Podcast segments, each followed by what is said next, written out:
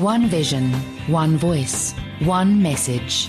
Radio Pulpit 657 AM and 729 Cape Pulpit, impacting lives from Gauteng to the Cape. Altyd 'n vreugde om saam te kuier op die senders van Radio Kansel. Uh my naam is Janie Pelser, hierdie program se naam is Perspektief. Dit is 'n voorreg om saam te gesels uh en saam te kan kuier. Nou hoor ek hierso het ons iets wat van 'n uh, 'n uh, herhaling, maar dit klink vir my nou sit opgelos. My naam is Janie Pelser, hierdie program se naam is Perspektief. Ons saai uit op die senders van 'n Radio Kansel en is 'n baie groot voorreg om saam met jou te kuier. Uh in hierdie program probeer ons naby aan die dinge kom wat vir ons as Christene veral in ons konkrete bestaan, nê. Ons loop daarom nog met ons voete op hierdie aarde. Ons is bestem vir die hemel, maar die hemel is nog nie heeltemal hierson nie. En intussen word ons geroep om 'n verskil te maak en om dit te kan doen moet ons kennis neem van dit wat rondom ons gebeur sodat ons op 'n verantwoordelike en 'n rustige wyse, ingeligte wyse besluite kan maak oor ons eie lewens, uh, die van ons mense, van ons kinders, ons kleinkinders en ook van die res van die gemeenskap hier in Suid-Afrika. So, ons probeer lekker uh, relevant wees in hierdie program en juis vandag gesels ons oor 'n saak wat emosioneel is, maar wat inderdaad baie baie relevant is. Onthou dat die programme van die Radio Kansel beskikbaar is as 'n potgooi by www.radiokansel.com www.co.za na afloop van die uitsending en jy gaan kyk maar net vir naweek aktueel. Eweneens ons uh uh ek sê tog perspektief nê nee? ons naweek aktualiteitsprogram wat dan nou genoem word naweek aktueel wat jy ook dan as 'n pot gooi uh kan uh kan kan beskou en kan beluister. Dit is my groot voorreg om te kuier saam met 'n uh, drie meningsvormers uh, en ek gaan net eers weer 'n keer seker maak dat ons mekaar mooi hoor en vir mekaar lekker dag sê en dat hulle ook vir mekaar dag sê want ek weet nie hoe gereeld hulle met mekaar skouers skuur nie en dit gebeur baie dikwels hier op die senders van radio kansel dat mense mekaar uh opnuut of dalk vir die eerste keer ontmoet. So kom ons hoor net bietjie. Annelise, goeiemôre. Dankie dat jy ingeskakel is. Ek vertrou dit gaan klop. Dis al bo met jou. Môre Jannie, dit gaan baie goed, dankie. Wonderlik. En dan uh, Liesel, goeiemôre. En ek het in my korrespondensie aan mekaar geskryf Liesel met 'n Z, maar ek sien jy's eksoties. Jy's Liesel met 'n S. Hallo Liesel, is lekker om saam jou te kuier. Goeiemôre Janie, baie dankie vir die geleentheid om saam te praat vanmôre. En dan nog meer eksoties as ons almal saam is Willem met sy interessante vang de Chevon vrug. Uh, ek hoop ek spreek dit reg uit Willem. Baie baie dankie. En vertel 'n bietjie ietsie van daai baie spesiale van. Nee, baie dankie en dankie vir die geleentheid om te praat. Ja, dis ehm um, dis Chafonus vrug. Ehm um, so dit is 'n uh, kombinasie Frans-Hollandse Hollandse van wat ehm um, 'n redelike lang geskiedenis in ons uh, in ons land het waar vir my voorsaate 'n uh, goewerneur in die Kaap was. So 1713 tot 1719 'n uh, goewerneur de Chafonus en ehm um, maar waar ek ehm um, 'n eerste generasie Suid-Afrikaner is uh, so van Hollandse herkoms. Mens, dan nou ja, baie baie welkom julle en dankie dat ons kan saam kan gesels. uh, Grondhervorming en aanverwante sake is 'n tema wat tydig en ontydig opduik en wat nie gaan verdwyn nie. En dan is grondhervorming maar een van talle verwysings wat gebruik word om na hierdie hele saak rondom noem dit maar die grondkwessie in Suid-Afrika te verwys. So presies waaroor gaan die gesprek? Uh het die gesprek en die eise wat gestel word Marite wat is redelik wat is gevaarlik? Hoe moet ons daaroor dink? Hoe lyk die pad vorentoe? En is in die verband dat ek nou vandag saam met Annelise Willem en Liesel kuier. Nou uh kom ons hoor dan net eers uh Annelise Crosby jy is by Agbus. Uh, vertel 'n bietjie wie en wat is Agbus en uh ook julle betrokkeheid dan by hierdie hele groter kwessie van uh, kom ons noem dit maar grondhervorming Janie, ehm um, Ekbis is 'n is 'n organisasie wat ehm um, betrokke is by die landbouwaardeketting. So ons ons lede is almal ehm um, organisasies wat op een of ander manier 'n rol speel in die waardeketting. Het sy of dit nou insetverskaffers is of finansiers of meelenaars of ouens wat silo's bedryf of saadmaatskappye. Ehm um, so hulle speel almal iewerster 'n rol in in daai groter landbouwaardeketting. Ehm um, en natuurlik die die produsente, die boere is kliënte van baie van ons lede en vir daai rede is dit vir ons lede belangrik ook om te sorg ehm um, dat hulle kliënte in 'n gemaklike omgewing kan opereer en dit geld ook vir die grondkwessie. En jou besondere betrokkenheid dan by die gesprek, jy is binne die konteks uh, jou portefeulje uh, of iets van daardie aard? Ja, ek ek het 'n regsagtergrond. Ek het jare terug regte by Tuks geswat en ek het 'n uh, meestersgraad gedoen in in konstitusionele reg net nadat die interim grondwet ingekom het. En toe ehm um, was ek vir baie baie jare lank ehm um, werksaam gewees by destyds die Suid-Afrikaanse Landbouunie was waar Willem nou is by ehm um, um, en baie gefokus op die op die grondkwessie. So van dat ehm um, die artikel 25 basies onderhandel is in die parlement hier in die in die laat 1990s met al die wetgewing soos wat dit deurgekom het rondom grondhervorming, ehm um, was ek baie betrokke geweest ek voel my baie veilig want as ek dit reg het is Liesel ook iemand wat vanuit 'n regs agtergrond kom en so as ek in die moeilikheid is het ek ten minste 'n paar vriende wat vir my sal kan help. Liesel baie dankie. Vertel 'n bietjie vir ons van jou betrokkeheid uh, uh onder andere dan by Fos South Africa en uh, wie jy binne die konteks van ons gesprek is. Sekerlik Jannie, ek is Lena Pretorius, ek's 'n regsadviseur by Freedom of Religion South Africa, so ek het ook 'n regsgraad. Ek is 'n toegelate prokureur. Ek was eers in die praktyk, maar sê op die oomblik meer op die praktiserende rol nie uh, Freedom of Religion South Africa of net voor is ewe kort. Ons is basies 'n burgerregte tipe van organisasie, maar ons is ook 'n drukgroep. Ons het 'n baie nou fokus, 'n baie spesifieke mandaat en dit is die beskerming van die reg tot vryheid van geloof in Suid-Afrika wat ons nou kry onder artikel 15 en artikel 31 van die grondwet. So dis 'n individuele reg tot vryheid van geloof en ook dan die reg om jou geloof in 'n geloofsgemeenskap uit te leef en te geniet. So wat ons doen is byvoorbeeld in die konteks van wetgewing soos hierdie onteiening, ons ons kyk as wetgewing um, kom, ons gaan deur dit en ons sê is hier potensiële nadelige impakte vir die mense wie ons ondersteuners is en ons ondersteuners is geloofsleiers en an, ander individue wat seker gesamentlik 'n hele paar miljoen Suid-Afrikaners is. Ons self as 'n organisasie, ons is geloof neutraal, ons is doktrine neutraal. So ons wil almal se reg tot vryheid van geloof beskerm in terme van die grondwet. So dit is ons in 'n rede dop. Baie dankie Liesel. En dan uh, Willem, het ek nou al verby binne verskeie kontekste gehoor. Ek het nou al in die landbou konteks agri, ek het hom nou al geplaas by Center of Intelligence en ek dag Annelies gebruik 'n ander woord. Sy help bietjie vir ons Willem. Waar is jy tuis uh, en waarmee is jy daagliks besig? Ja, so verteenwoordig Agri SA Ek is die voorsitter van die Center of Excellence of die sentrum van uitnemendheid vir grond.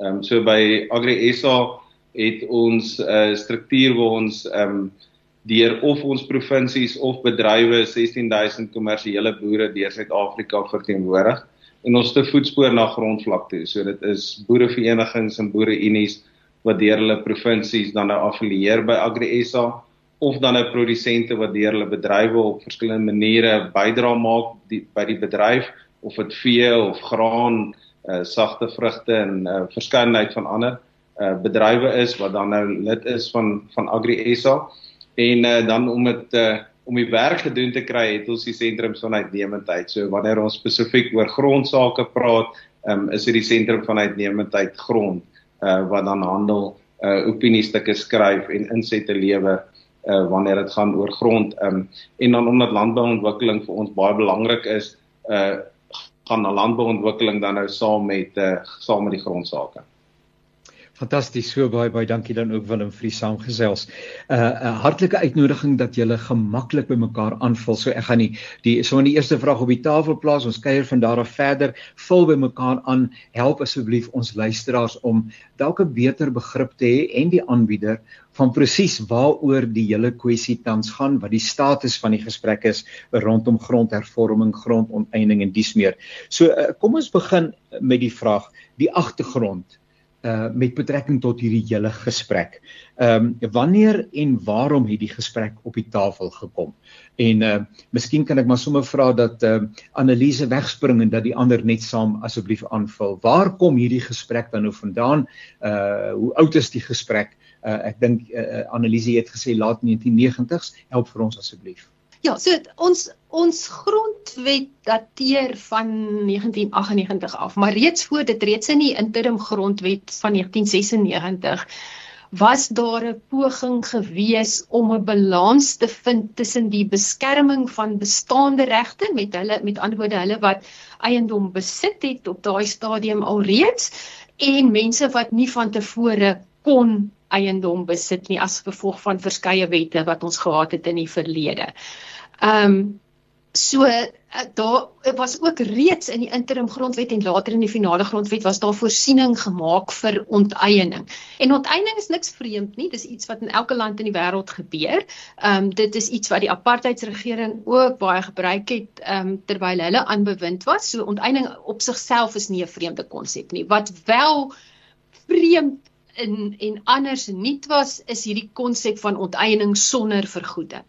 En dit het so ver as wat ek kan onthou vir die eerste keer in 2017 op die tafel gekom met daai ANC beleidskonferensie wat so tot laat aand hier in Desember aangegaan het. Um ek het op stadium 'n opiniestuk van van Molatsi Mbeki ook gelees wat hy gesê het dit was nooit eers deel van die ANC se diskurs gewees voor op daai stadium nie. Maar met al die drama rondom daai beleidskonferensie Ehm um, was dit toe nou dink ek een van die soort van goed wat onderhandel was en wat toe nou op die partye toe nou ah, die ANC binne hulle geleedere besluit het hulle wil nou kyk na die moontlikheid van onteiening sonder vergoeding. En van daar af was daar lang prosesse en ondersoeke en parlementêre verhore wat letterlik vir jare aangegaan het uh ook op 'n stadium bepoging om ons grondwet self artikel 25 te wysig wat gelukkig nie geslaag het nie. Dis iets wat ons baie dankbaar moet wees vir almal van ons.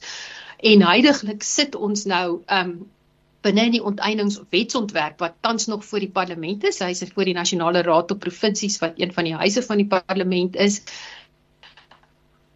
Um met met 'n bepaalde klousule wat voorsiening maak vir onteiening teen nul vergoeding onder sekere omstandighede. Goed, ehm um, kom ons hoor Liesel en en Willem.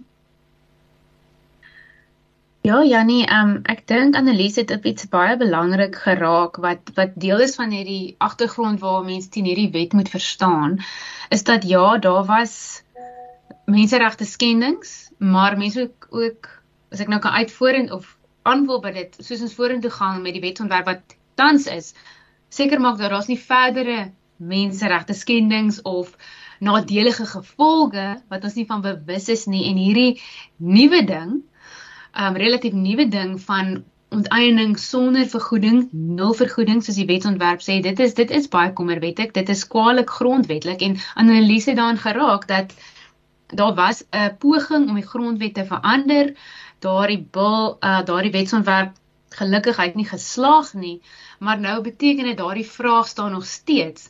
En nou sit ons met 'n wetsontwerp wat terwyl die grondwet nie verander is nie, wat jou hoofwetgewing is of jou hoof die wetgewing waar alle ander wette in Suid-Afrika onderworpe is nie verander is nie. Nou weer dit wil inbring. Wat vir ons 'n bietjie van jy die jy sê die kar vir die perd situasie is. So ek dink dit is ook 'n belangrike punt om te besef wanneer mense hierdie wetsontwerp oorweeg. Goed, help net Willem met ander woorde is die kwessie van dat grond uh, en eiendom uh vervreem kan word uh van hulle regmatige eienaars sonder vergoeding. Is dit van die tafel af of kom dit nou op 'n ander manier weer op die tafel? As ek net probeer verstaan uh die die hele kwessie rondom artikel 25 van die grondwet. Ja, so die die twee prosesse het uh, baie op dieselfde tyd gebeur en uh, ek dink dis belangrik dat mense moet onderskei tussen 'n tref die die onteieningswet is dit nou eintlik die derde keer uh, wat ons deur hierdie proses gaan, maar wat dit nog nooit in afgeteken is deur die president en dit wet geword het nie. So dit is al of twee vorige kere is dit al op stadiums terugverwys ehm um, wat daar so gebrekkige prosesse was of nie genoeg publieke deelname was nie uh of wat die president nie gemaklik was met wat daar binne kan die wetgewing gestaan het voordat hy dit teken nie. So uh, wat die onteieningswet aanbetref is dit al die derde keer wat ons uh is tot waar ons nou is.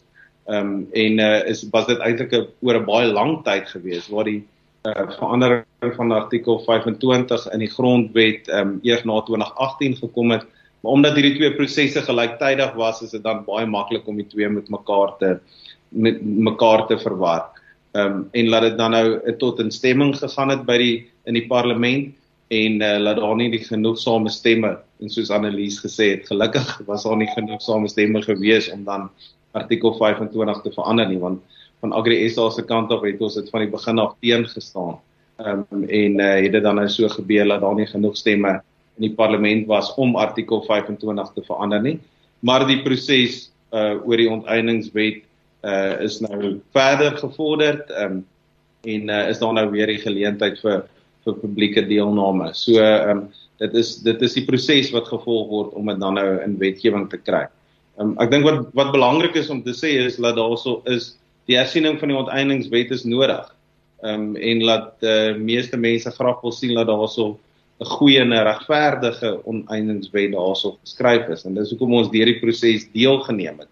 Verskeie organisasies wat daaraan deelgeneem het en baie werk wat gedoen is om dit te kry dat dit 'n regverdige stuk wetgewing is.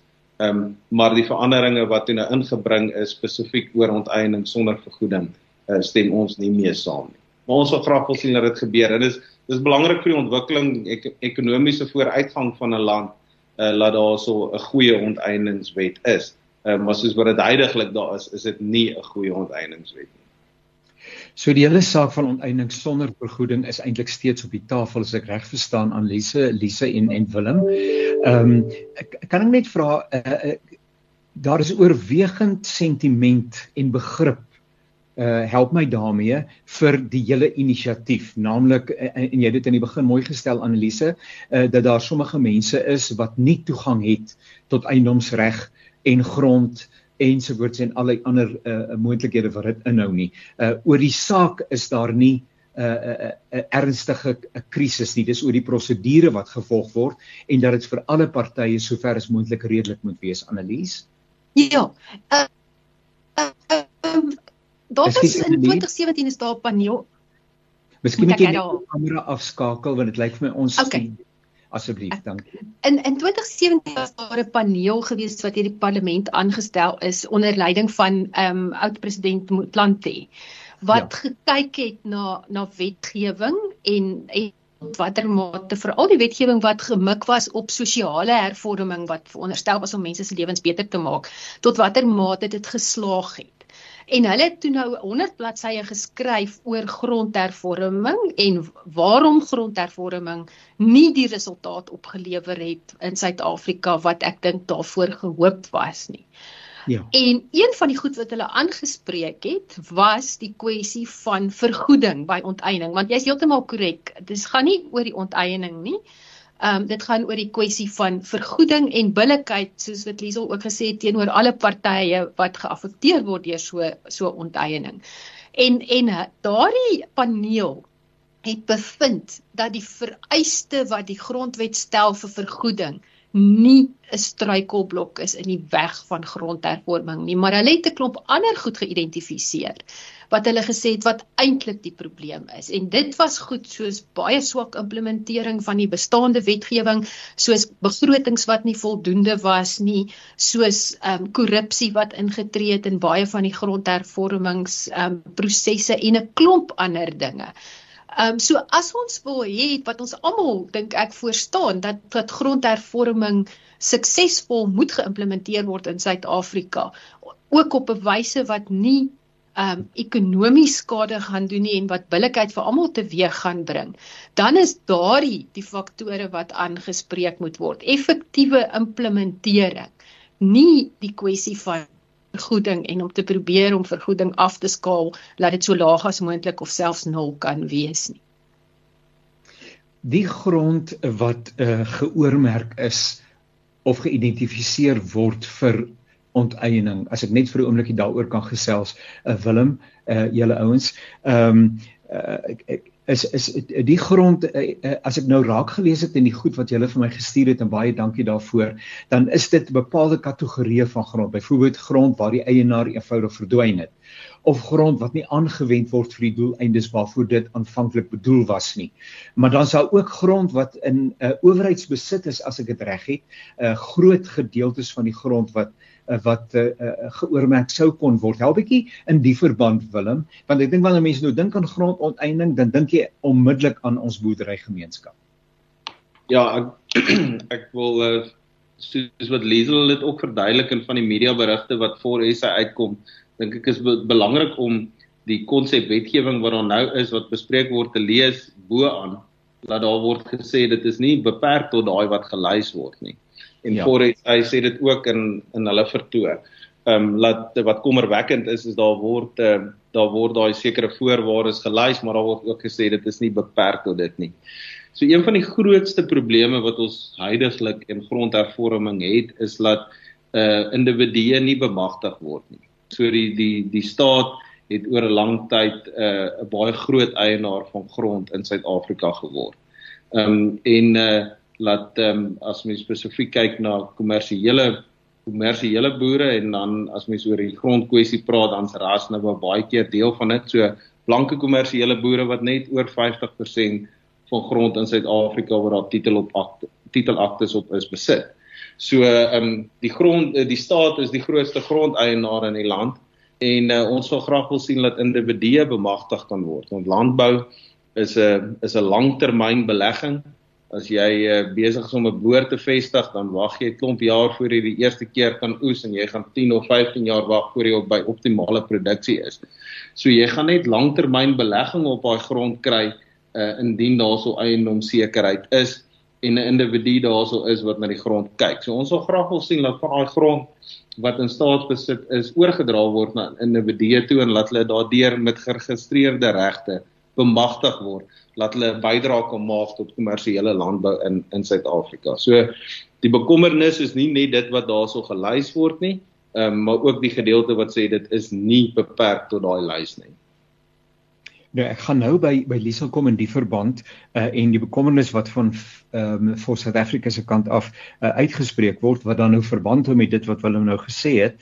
Ehm um, kan ek net vra uh ehm um, um, Annelise en en die res van julle ehm um, en en mens verlaat jouself ek ook eh, maar dit of wat jy in die media raak lees en dis meer waar daar tog wel oordrag plaasgevind het uh, of waar bepaalde boerderye ensovoorts oorgeneem is ehm um, blyk dit dat die begeleiding van daardie aspirant boere uh, nie na behoore plaasvind nie want ehm um, die die uh, na 'n sekere tyd vak sy tyd dan dan dan, dan bestaan daardie boerdery doodgewoon net nie meer nie. Dis nie meer dis nie volhoubaar in terme van die oordrag nie. Help bietjie in die verband asseblief want 'n uh, ou sou kon sê maar maar uh, mens verstaan en jy wil graag maar maar dat iets wat pragtig opgebou was en wat gewerk het dan nou skielik net eenvoudig weer heeltemal veragter. Uh dit dien eintlik geen doel hoegenaamd nie Annelise. Ja, kyk daar's natuurlik baie redes waarom soveel van die projekte misluk het. Ehm um, veral in die begin was daar heeltemal te veel mense op klein stukkies grond geplaas en daar was van hulle verwag om om saam te boer en saam te probeer 'n sukses maak van die van die grond. Die ondersteuning ehm um, was ook vir baie lank nie wat dit behoort te wees in terme van verdere kapitaal wat die boere nodig gehad het om daai grond te kon aanhou boer en aanhou ontwikkel. En hier van 2008 af is die ehm um, is daar nie eintlik meer titelaktes oorgedra nie. Die mense het huurkontrakte gekry. Baie keer was daai huurkontrakte nie eers op skrif gewees nie. So hulle het geen werklike sekerheid gehad dat dat hulle daai goed vir 'n termyn kon aanhou gebruik nie en dit maak dit natuurlik baie baie moeilik om enige finansiering te kry om om ontwikkeling te doen. So daar's baie goeie werk ook in die verband en in Willem sal jou heelwat daarvan kan ehm um, vertel van die privaat sektor wat wat probeer ondersteun het en veral bedryfsorganisasies wat in in baie gevalle ehm um, baie suksesvol hierdie boere ondersteun het. Ehm um, maar die die gebrek aan titelaktes en die gevolglike gebrek aan toegang tot finansiering ehm um, is 'n is 'n baie groot probleem. Nou Liesel, julle is bekommerd uh, uh julle verteenwoordig die religieuse gemeenskap in Suid-Afrika en julle is bekommerd dat daar skuiwergate is ehm um, uh, is is dit is dit 'n bietjie alarmisties wat is daai mooi woord nê nee? 'n alarmist? Uh, of is dit inderdaad 'n uh, 'n gevaar wat skuil in die in die situasie soos wat dit tans op die tafel kom? Wel Janie ons ons wil net seker maak dat wat wetgewing wat deurkom moet moet ten minste goeie wetgewing wees. Ek dink Willem het dit ook genoem dat ehm um, mense verstaan dat 'n ordentlike onteieningswet een wat goed, geskryf is is nodig, maar dit is hoe dis hulle sê in Engels the devil's in the details en mens wil nie dan met menseregte skendings wees en dan met negatiewe gevolge wees nie.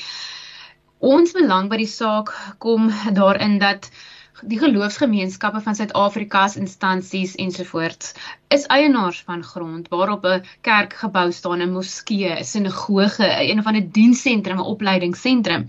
Ja. En omdat hierdie definisie van eiendom so wyd is, want dit word gekoppel aan die definisie van eiendom in die grondwet wat baie wyer is, is net grond. Ehm um, nou sien ons dit is nie beperk nie en 'n wet wat 'n definisie het wat te wyd is, dis problematies. Mens wil hê dit moet mooi netjies en beperk wees. So ons sê bring daai definisie in, sê dis grond en grondverwante eiendomsregte want want op die oomblik as jy so 'n breë definisie van eiendom het, wat sluit dit in? Meubels, voertuie, goed wat in die kerk gebou is. Dit is basies is die hele boks en daai is wat gaan aan. Ehm um, so dit is dit is wat waar ehm uh, ons besorgdheid inkom want sê nou maar 'n geloofsgemeenskap verloor deur onteiening hulle kerkgebou. Dis ongelooflik ontwrigting. Dit gaan net dit gaan nie net oor daai geloofsgemeenskap se eiendomsregte dan nie. Dit gaan ook hulle reg tot vryheid van geloof op die impak op hulle reg om hulle geloof in 'n kommunale ehm um, tipe van uh, manier uit te leef dit het daar ook op ook 'n impak. En Willem het dit ook genoem. Die die nou sal iemand sê ja maar die oogmerk van die wetsontwerp is nie om dit te doen nie en hoe kan dit in die publieke belang wees om so geloofsgemeenskap se grond byvoorbeeld te onteien? Want om in die publieke belang te wees is een van die vereistes van oneindige grond. Maar het Willem gesê dis nie 'n geslote lys nie. En as 'n prokureur gaan ek sê so oop lys is dit potensieel kan beteken dat weet iemand wie se belange en regte ek verteenwoordig as grond af geneem kan word maak my ongemaklik. Stel dit mooi mooi duidelik en vir daai dis een van die redes hoekom ons ehm um, ons het in ons vertoon die parlement gevra. Ehm um, kan ons nie 'n vrywaringsklousule inkry dat hierdie gemeenskappe se grond teen onteiening ehm um, beskerm word nie. Uh want as dit dan nou nooit in die publieke belang sal wees nie, ehm um, of kwaliek in die publieke belang sal wees, wat wat is die moeilikheid dan? Want weet ons van in ons vertoon het ons ook gesê die geloofsgemeenskappe van Suid-Afrika wat 'n ongelooflike goeie werke doen hulle nie in die, vir die publiek nie so dit is een van ons groot besware is dat hierdie gemeenskappe is uh, van hulle vermoë om hulle geloof in 'n kommunale tipe van manier met mekaar uit te leef dat dit belemmer sal word. Ek weet hulle praat van uh, van die gees en die letter uh, Annelise Willem en en Liesel. Ehm um, maar dit lyk vir my in Suid-Afrika, wel seker maar vir die wet ook betref nê, nee, is die die die letter is belangrik. Uh en en uh, daar is 'n onderbou 'n onder 'n uh, onder subnarratief moet ek miskien moet ek maar sê van van uh, mag ek dit sê of of is dit nie waar nie, is dit net doodgewoon sekuriteitstelling van wantroue uh in Suid-Afrika. Uh as jy nie 'n ding beskryf het nie, weet jy nie watter verrassing op jou pad gaan kom nie. Ja nee, as, as ek kan inkom, ek stem saam met Liesel oor die bewoording. Dit is belangrik dat die bewoording duidelik moet wees, nie te breed moet wees nie en en duidelikheid moet bring. Ehm um, maar ek dink wat mense in gedagte moet hou is nommer 1 soos ek gesê het, die grondwet is nie gewysig nie. So E-, enige wetgewing of enige implementering van wetgewing wat in stryd is met die grondwet um, kan nog steeds bevraagteken word. Ehm um, nommer 2 is dat ehm um, jy kan nie sommer net onteien nie. Jy moet onteien in terme van 'n spesifieke stuk wetgewing wat onteiening aan daardie minister wat jurisdiksie het vir 'n spesifieke doel um, toelaat.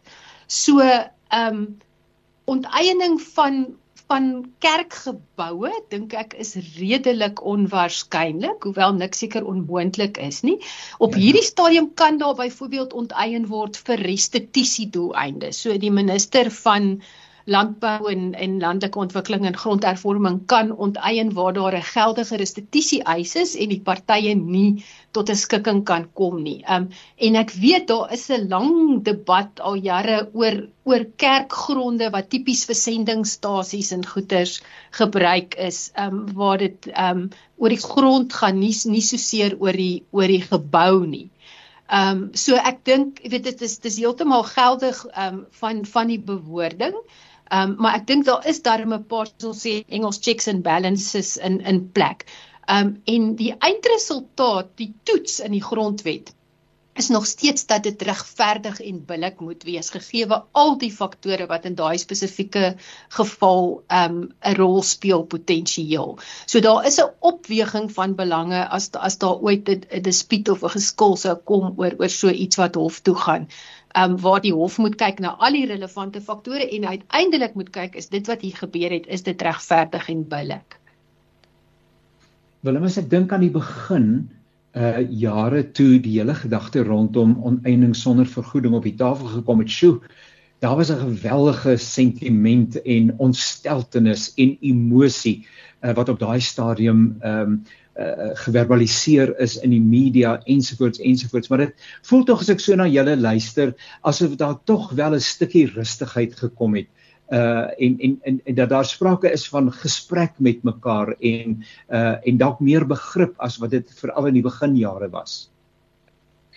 Ja, ek dink miskien daar's verseker nog nie rustigheid oor nie. Ek dink ons miskien net nog meer goed om oor bekommerd te wees uh buite net die stuk wetgewing. So ehm um, dit dit gaan maar oor die algemeen algemeen redelik swaar in landbou. Ehm um, so die bekommernisse is baie. So ek dink as dit as dit in die media of in die publiek oorkom dat daar minder bekommernis is, uh, is dit 'n wanpersepsie. Ons uh, lede is uiters bekommerd oor oor die wetgewing.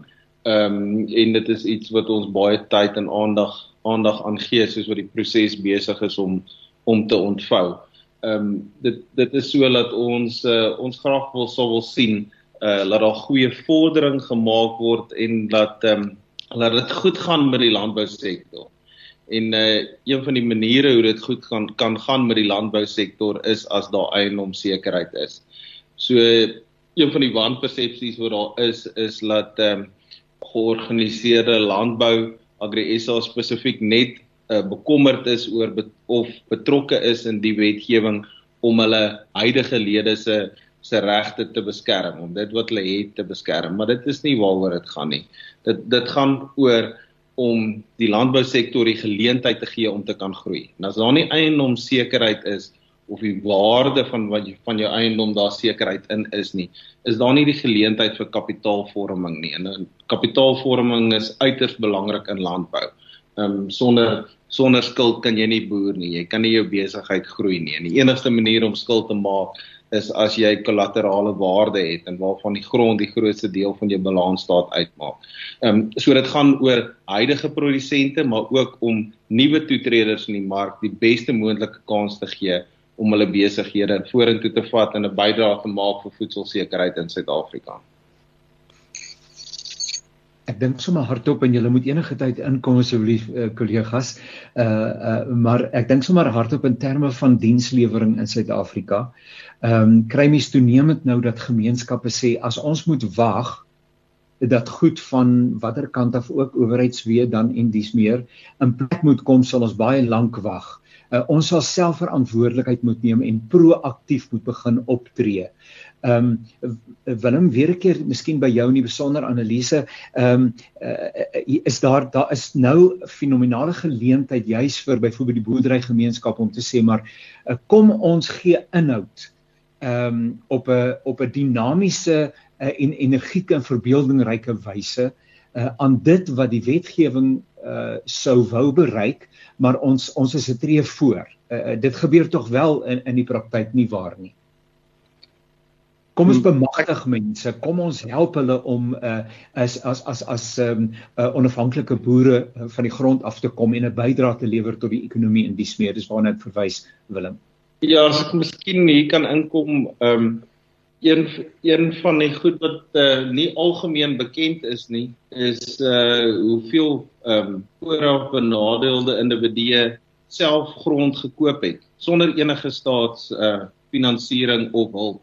Ehm um, so dit is individue wat graag uh grondeienaars wil word en wat in baie gevalle toetreders tot die landbousektor wil word. En laat dit 'n groot uh, suksesverhaal is wat nie ver, vertel word nie oor 'n uh, individue wat sonder staatshulp soos wat jy verwys het na gemeenskappe wat hulle self bemagtig. Ehm um, ja. gegaan het en in die vrye mark uh die grond gaan aankoop teen die markverwante prys omdat dit in die vrye mark gebeur het. So ons so 'n 'n groot hoeveelheid 1.8 miljoen hektaar um, om die syfer te noem wat deur um, vooraf benadeelde individue op die vrye mark gekoop is um, en uh, wat nou ook grondeienaars geword het oor tyd. Dit is nou nie eers al die ander wat ehm um, deur die verskillende staatsprosesse ook ehm um, bemagtig is nie of die grond wat dan nou by die staat gebly het. Maar daar's ons daar's baie inisiatiewe en daar waar ons sien die inisiatiewe suksesvol is, is waar daar 'n vorm van geregistreerde reg op die grond is. Ehm um, so of dit 'n langer termyn huur is, ehm um, of verkieslik 'n titelakte is, ehm um, laat daai individu wat daardeur bemagtig is of vol toetreder tot die kommersiële sektor kan word en wat daar toegang tot finansiering is um en uh, laat hulle hulle plek kan opneem as uh, as boere. Um ongelukkig is dit so dat uh, daar so baie van die projekte nie geslaag geslaag het nie. En meestal sal dit wees uh, soos wat vroeër ook al na verwys is is wanneer daar gemeenskappe is wat met saam boer um of groeperinge is of waar daar geforseerde vennootskappe is waar die vennote nie mekaar gekies het nie uh, waar daar nie nodige finansiering is nie en finansiering gaan saam met kollaterale waarde soos wat ek vroeër gesê het. Ehm um, waar daai faktore gekort het en meeste van dit kan oorbrug en oorkom word as mens kyk na die suksesverhale indien daar so geregistreerde regte op die grond is uh, wat daai individue dan bekom het op watter wyse ook al. Ja nee, maar ehm um, boonbehalwe wat Willem nou gesê, daar is baie ondersteuning alreeds uit die private sektor, veral van die kant van van landboumaatskappye en van van bedryfsorganisasies. Ehm um, wat wat die swart toetreders op allerlei maniere met met opleiding en mentorskap programme en en ondersteuning ehm um, help help op hulle pad en dan ook net wat jy gesê het in terme van van proaktiewe oplossings. Ek dink um, ons probeer altyd wanneer ons kommentaar lewer op enige beleid of wetgewing nie net soort van negatief wees en sê nee, moenie dit doen, moenie dit doen nie. Ons ons sê waar die gevare lê en waar die moontlike onbedoelde gevolge kan wees, maar ons probeer ook alternatiewe voorstel, alternatiewe bewoordings, alternatiewe benaderings waar dit moontlik is.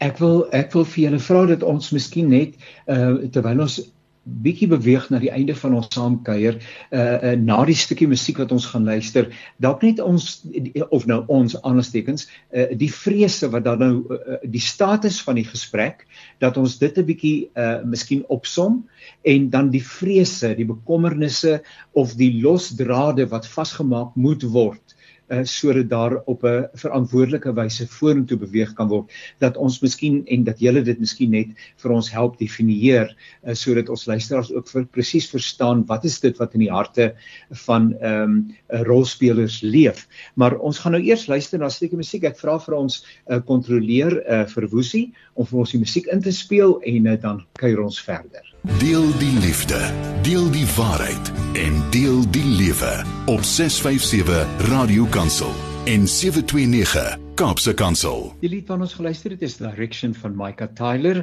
en uh, ons sê baie dankie vir daardie inset. Ek gesels met Annelise Crosby, Willem de Chavon Vrug en Elisa Pretorius hier in die laaste paar oomblikke van ons saamkuier. Ons gesels oor die grondkwessie, grondonteiening, grondonteiening sonder vergoeding, die kwessie van eienoomsreg en die definiering daarvan. Uh, Juist daaroor dink ek as ons miskien op hierdie stadium kan vra. Annelise, kom ek begin by jou, maar maar uh, Willem en jy ook Lisa, Lisa ook. Ehm um, uh, uh, ons het tans met ander woorde uh, iets op die tafel en daar's tog bepaalde drade wat vasgemaak moet word. Help vir ons Annelise. Uh, wat is dit wat wat aangespreek moet word uh ten einde 'n behoorlike uh gesonde basis te hê van waaraf die toekoms benader kan word. Ja.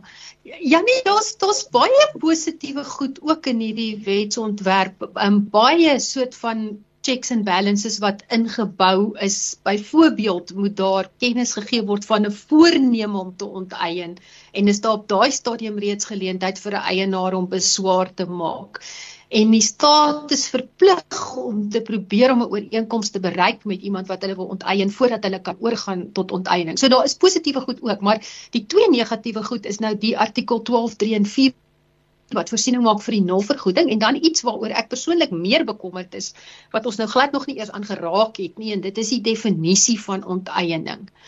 Ja. Ehm um, want enigiets wat in terme van die grondwet nie val binne die definisie van 'n onteiening nie, hoef nie voorvergoed te word in elk geval nie.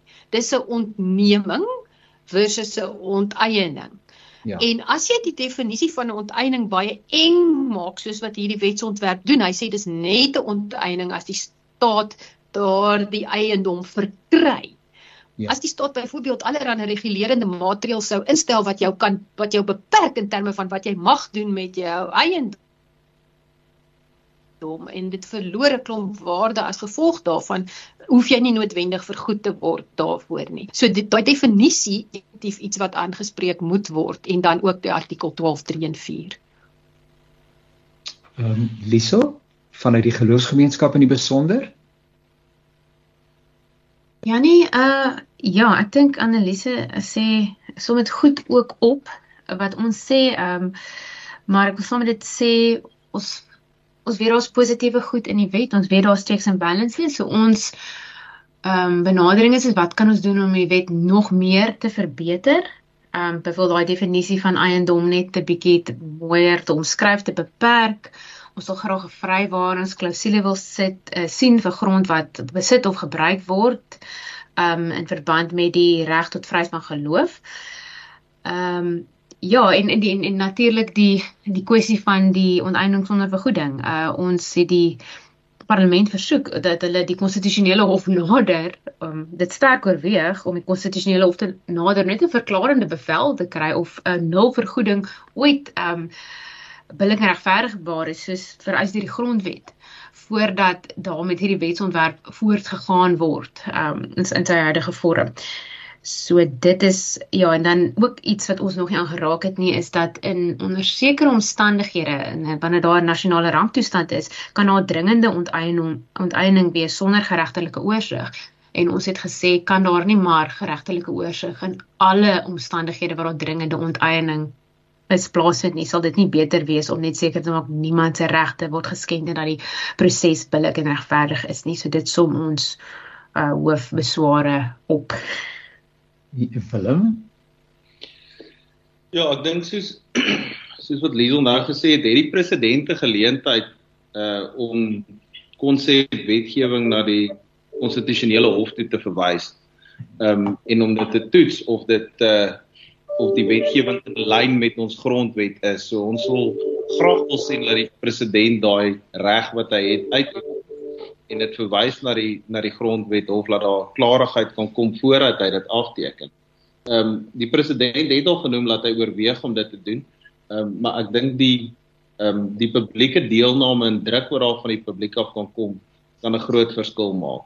Ehm um, en daar wil ek vra dat mense asseblief betrokke is. As dit landbouers, landbouers is wat luister, dan sal ons graag wil sien dat hulle betrokke raak by hulle plaaslike landbouverenigings ehm um, en laat hulle daardeur hulle stem laat stem laat hoor. Ons is 'n demokratiese land waar elke individu 'n stem het, um, maar jy het net 'n stem as jy betrokke is. Dit help nie die geleentheid om te stem in 'n nasionale of 'n provinsiale verkiesing, maar jy doen nie die moeite om na die stembus toe te gaan nie. Dieselfde is met publieke deelname. Dit help nie daar's ons 'n geleentheid vir publieke deelname en uh, jy doen nie die moeite om jou sê te gaan sê te gaan sê nie. Nou soos wat die tegnologie verbeter het, is daar verskeie maniere hoe mense kan deelneem. En uh, daar wil ek die luisteraars ook maar net baie attent maak dat mense baie seker maak daar waar jy tyd en energie insit om deel te neem, dat jy seker maak jy op 'n geldige of 'n wettige erkende manier deelneem aan so 'n publieke deelname proses. Laat die organisasie uh, wat dit vir jou doen of soos daar van die webbladsye beskikbaar is, ehm um, laat jy op 'n uh, manier deelneem dat jou stem wel gehoor word. Die parlement ehm um, sien nie 'n petisie as publieke deelname nie. 'n Petisie word nie erken nie. Dit is 'n individu publieke deelname behels dat jou opinie wat jy lig beskikbaar is vir ander. So dit help nie jy sit net jou naam op 'n petisielys nie. Ehm um, jy moet uh, dit moet gekoppel word aan 'n individu dit wat jou opinie oor 'n sekere saak is. So daar waar die luisteraars deelneem in publieke deelname prosesse, moenie jou tyd mors op 'n op 'n petisie nie. Ehm um, laat jou stem as 'n individu hoor. Ehm um, en en deur daai publieke druk uh, kan ons verseker dat daar so 'n positiewe uitkoms is, dit wat die meerderheid wil hê.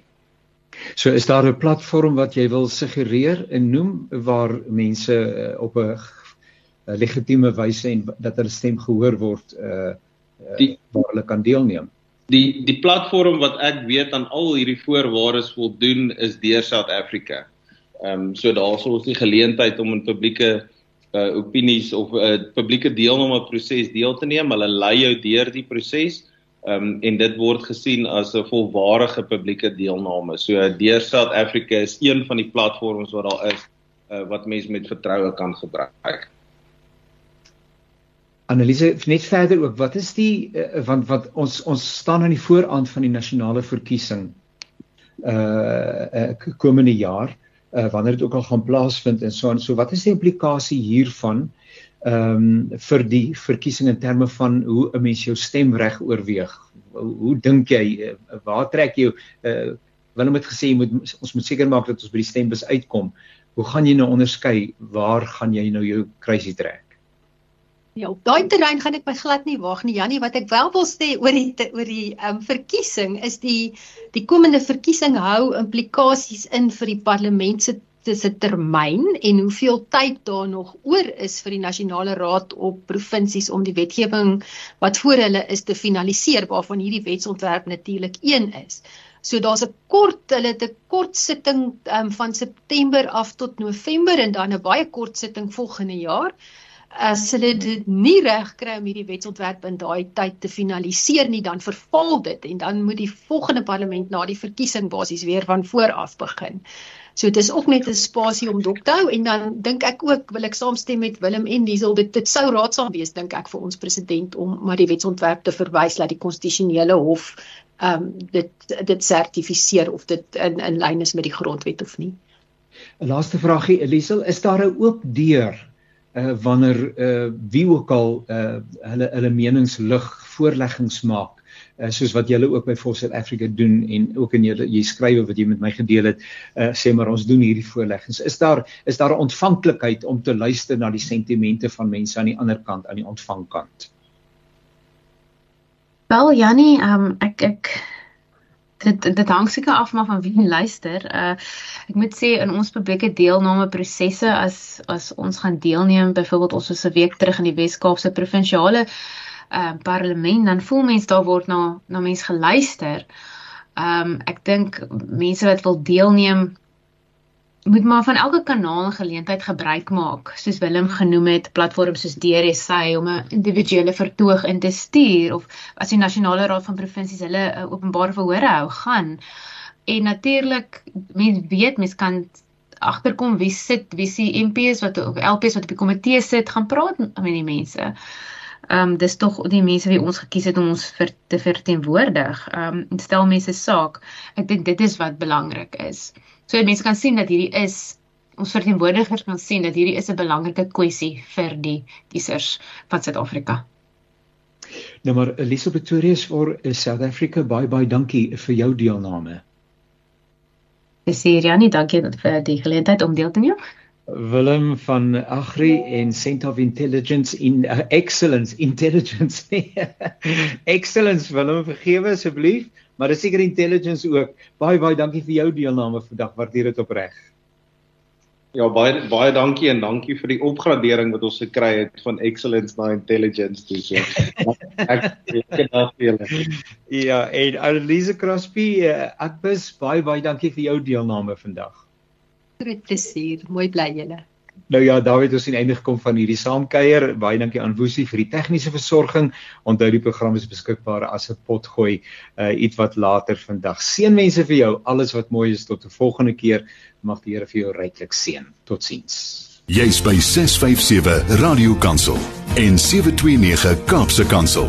Die radio wat omgee 24 uur per dag.